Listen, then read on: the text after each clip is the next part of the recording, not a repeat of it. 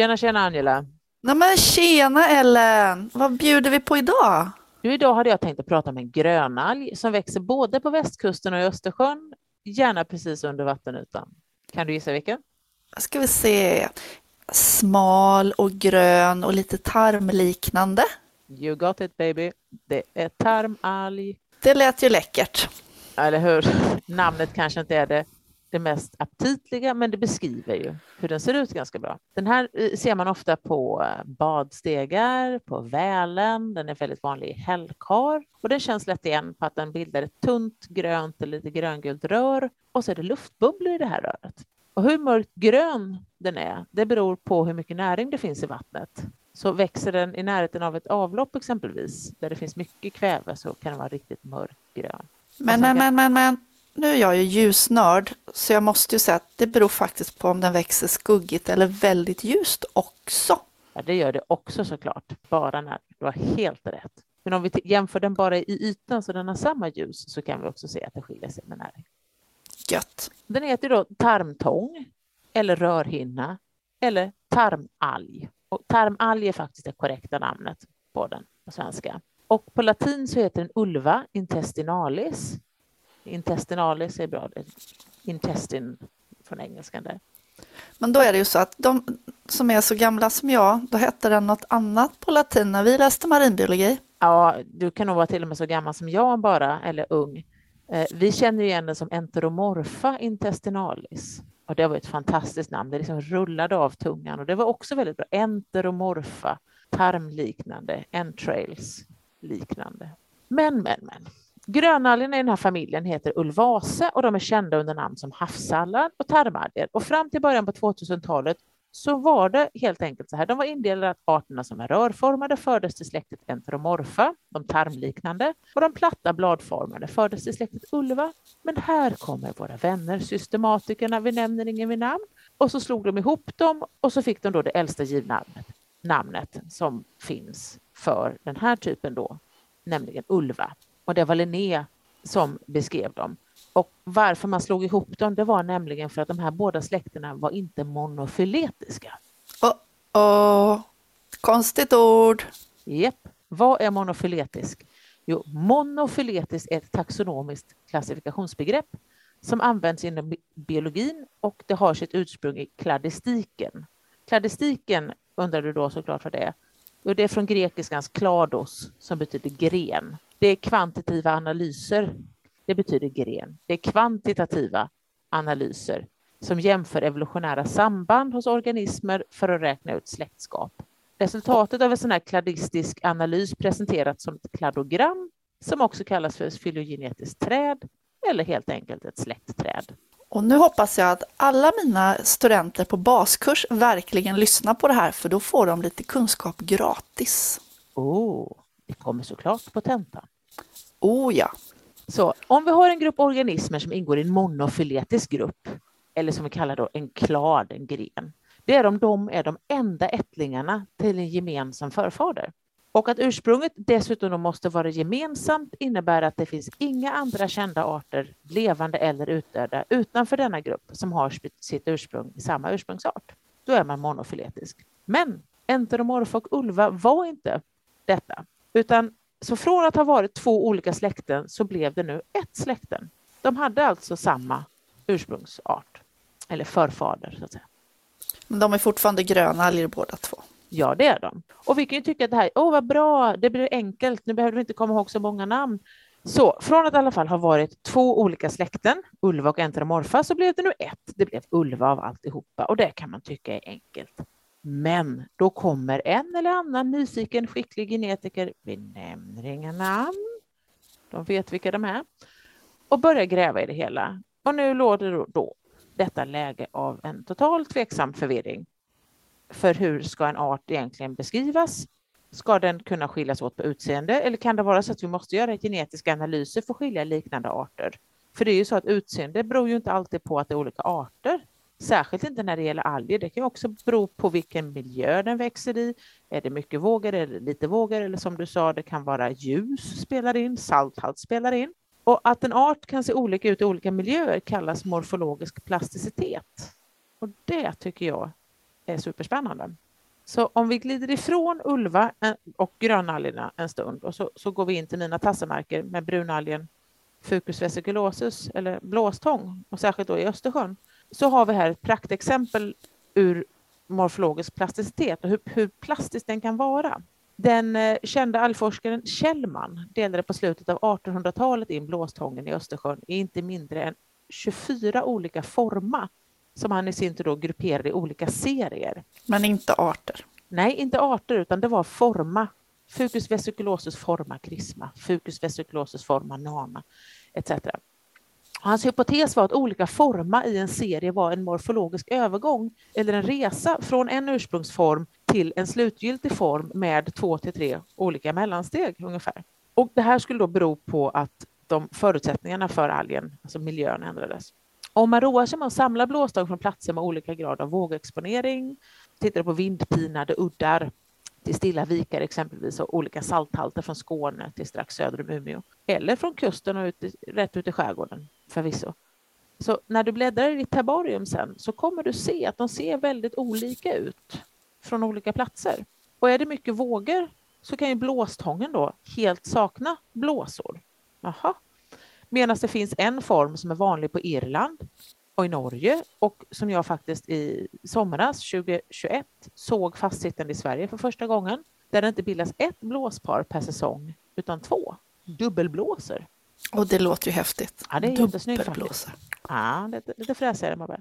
Och tittar vi i lugna vikar så kan vi hitta väldigt breda former. Ibland så har de tre blåsor på rad istället för två. Jag misstänker att det kan vara någon sån här liten genetisk eh, sak med, med dubbla kromosomuppsättningar eller trippla. Um, skulle man säga att det är en mutation tycker du eller skulle man bara säga att det är en variant? Ja, det är frågan. Det, det skulle man behöva titta på. Vi vet ju att när det inte finns vågor så är det jätteviktigt för tången att komma upp till ytan, att den inte skuggar sig själv, och att den inte heller hamnar på botten och blir, får massa sediment på sig. Så i en väldigt stilla vik så får du otroligt mycket blåsor. Och som sagt, och på en vindpinad udde kan den vara helt utan. Så mängden blåsor på blåstång berättar otroligt mycket om, om just hur miljön är där den står. Vilket är spännande om man då hittar en blåstångsplanta i landdriven på stranden. Då kan man liksom säga någonting om var den kommer ifrån. Och vissa former eh, av blåstång i Östersjön har riktigt krusiga kanter och några känns superspröda, som om de hade liksom mycket kisel i sig. De här kallade Kjellman för just då Fucus vesiculosus forma crispa. De är krispiga. Mm. Och sen finns det jättehäftiga trådsmala former som inte ens ser ut som blåstång. Det är nästan som ett litet, litet tunt, tunt, tunt, tunt snöre med två små Musse Pigg-öron på toppen och så bara, vad är det här? Ah, det är blåstång. De är dessutom frilevande, vilket innebär att de inte sitter fast mot botten, eh, mot ett underlag, utan de lever helt lösa. Och vissa blir som runda bollar och ser ut som små blomkålshuvuden som jassar runt. Och andra bildar, liksom krokar mer ihop och så bildar de heltäckande tjocka mattor.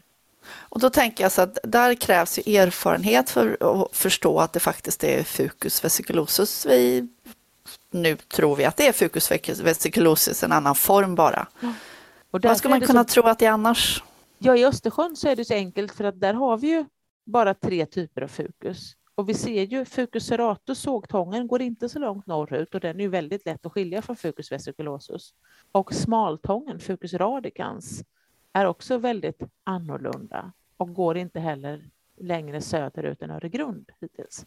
Så att däremellan så vet, där har vi bara Fucus vesiculosus helt enkelt.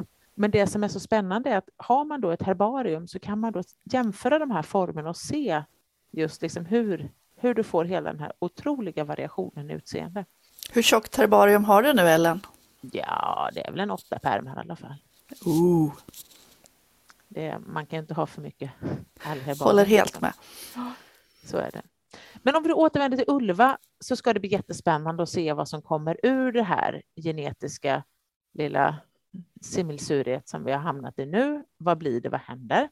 Um, för nu i alla fall så låter vi tarmalgen heta Ulva intestinalis och sen backar vi undan från alla ytterligare frågor gällande sånt. Men just det, jag lovade ju dig. Jag skulle berätta om hur jag brukar samla in och använda tarmalg i matlagningen. Ja. För det vill du veta. Mm, det vill jag verkligen. Ja.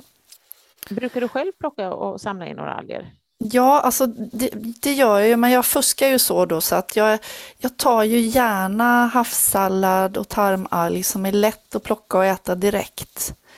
Bara för jag är lite lat. Jag vet att du, du gör på annat sätt, du är mycket mer ambitiös. Ja, det beror väl på vad man lägger i matlagningskategorin. Om man tycker det är ambitiöst att koka ett ägg så, men fair enough. Ja, det var rätt ambitiöst tänker ja, jag. Det kräver värme. Det viktigaste man ska tänka på det är först att se till att platsen som man samlar på inte är förorenad, som exempelvis en båthamn där det kan finnas olika drivmedel i vattnet eller vid ett avlopp. Det är tråkigt. Utan gå en badplats en bit bort, alltså så, det ska, det ska vara rent vatten det vill ha. Och eh, jag brukar ha med mig en sån nätpåse, en sån där som man köper för att handla frukt och grönt. Mm. Eh, där när jag är ute och simmar. Så kan man liksom fästa runt bandet på baddräkten där så har man den och så kan man stoppa ner den i baddräkten. Och då menar du inte det som är runt apelsinerna, ett rött nät? Nej, nej, nej, nej, nej. för bövelen, utan en sån här riktig flergångspåse. Man kunde köpa tre pack med grönt dragsnöre, brukar det vara på de här vita. Vita påsar med grönt snöre är bra. Jajamän, jag tror hela Sveriges marinbiologikår har köpt upp dem. De är populära. Men när jag har samlat då, Eh, så försöker jag samla så rent som möjligt och inte få med massa annat skrufs för det är onödigt. Jag försöker också få bort alla små kräftor och räkdjur som, som är där och liksom socialiserar på olika sätt. Och när jag kommer hem så häller jag vatten i en skål och häller i några teskedar salt som jag sedan har och lägger algerna i och sköljer i. Då behåller algerna sin sälta och de blir till och med lite extra salta. För du vill inte ha ett vatten. Om vattnet är mindre salt än algen så kommer algen börja ta upp vatten och, och spädas ut istället. Men jag vill ju ha algen för sin sälta, så jag vill behålla den. Och då rensar jag bort smådjur och ofta så kan man växer ju tarmalgen tillsammans med närheten av kladofora, grönslick, den här sträva. Men den känns ju som strävtagel eller hår på något sätt. Så det känner man tycker jag. Men den är inte farlig att äta? Nej, nej, nej, nej. Det är mest att jag tycker den är lite så gnisslig mellan tänderna. Ja. Annat skrufs rensar vi bort också. Och det här gör jag medan ugnen värmer upp och jag har satt ugnen på 100 grader. Jag lägger, bakblock, block, jag lägger bakplåtspapper på en plåt och sen så lägger jag ut ett tunt lager av alger och gör hellre flera plåtar än att lägga på för tjockt lager utan ett väldigt tunt, liksom en algetjockt lager. Det behöver inte vara heltäckande liksom, utan bara klutta ut det. Sen ställer jag in det i ugnen och så låter jag luckan vara lite öppen så fukten kan smita ut. Jag brukar trycka in en grytlapp emellan där så man får en liten springa. Och efter 20-30 minuter, det beror på hur mycket alger jag haft i såklart, om jag har varmluft på eller inte, så brukar den här tången vara torr. Ta ut, känn med handen, är den torr? Känns den mjuk, ställ in den igen i 10 minuter eller så bara om det är sista plåten du kör eller ända, men låt den stå i en svalnande ugn. Men glöm mm. inte att ha luckan öppen. Helt enkelt. Och när den är torr sen så är det enkelt. Du lyfter upp den från pappret. Eller om den har fastnat så kan du bara gnugga pappret lite grann så kommer den loss. Det blir ett pulver. Du kan stoppa ner den i en burk. Jag tycker att den smular sönder enkelt mellan fingrarna. Vill man vara lite kul så kan man mortla eller köra i sin nyköpta kryddkvarn som var väldigt fin som man blir mycket glad för. Och då har vi det här jättehärliga algpulvret. Det är knallgrönt. Det är jättegott att strö över en bit fisk eller blanda med smält smör och ha till hummer eller havskräfta. Eller varför inte blanda pulvret med rostade sesamfrön och så har du och duttar din sushi i. Det är supergott. Det är en riktig umami-bomb. Jag rekommenderar det varmt. Men är det den här, alltså, jag tror att jag har hört något som heter havets tryffel. Man kan kalla den för havets tryffel, men det är faktiskt inte den här som man brukar mena, utan det är en rödalg istället som är havets tryffel. Så att, eh, ja, tarmalgen har väl en tryffelton, men man kan ju inte, vad ska man säga, havets tarm. Det blir lite fel va? Alltså, jag tycker att det är lite jobbigt med det här nämligen, det var därför jag, jag tog upp det, att vi hittar på så mycket, i mitt tycke, fåniga namn. Ja, sen så kan jag väl tycka att det är lite fånigt med liknelser, men det gör man väl för att man ska försöka få folk att förstå att det är gott. Mm. Men det är lite grann som när man gör vegetariska produkter som ska likna kött. Men man gör en god vegetarisk produkt istället. Yep. Så att... Eh, ja. Tarmalg, jättegott mm. Mm. i sig. Det är bra för tarmarna kan man ju tänka. Ja, eller så använder man det latinska namnet. Ulva, mums filibabba. Tänker du något mer kring vår kompis tarmalg? Ja, just det, du, jag måste ju faktiskt ta, den växer ju hällkar Mm. med fördel. Tycker du man ska vara försiktig med hällkar? Ja, det tycker jag på många sätt. För det första när man närmar sig dem, för det kan vara halt. Mm. Ehm, Men hällkar får man ju tänka på, det beror ju på var de ligger. Vissa hällkar ligger ju så att de, så fort det är högvatten så, så byts vattnet ut ur dem och då är det en bra vattenomsättning. Men om det har varit lågt vatten en längre tid eller att de ligger längre upp, då, då är det samma vatten länge. Och i hällkar kan det ofta bli fågelbajs och grejer. Så att jag skulle ju inte jag, jag har ett hällkar-ish som jag plockar i. Men det är för att det, det är inte så mycket ett hällkar som, som är en, en grop som är precis under vattenytan. Så Bra att, tips. eh, Ja, försiktig med hällkar. Det, det är ofta mer bajs där än vad man kanske är sugen på. Har vi något mer, tänker du? Eller jo, det är klart vi har. Vi har mycket mer, men det kanske räcker för idag. Såklart. Jag tänker så här, vi kanske ska gå och hejda oss här så att vi inte galopperar iväg på ett sånt där mastodontavsnitt igen. Det kan vi ju spara till mikroalgerna nästa gång, eller vad säger du? Det tycker jag att vi ska göra. Men, eh, men då får du väl ha det så bra då, Ellen. Ja, men detsamma Angela. Vi hörs och ses. Det gör vi. Tjing tjing! Simma lugnt.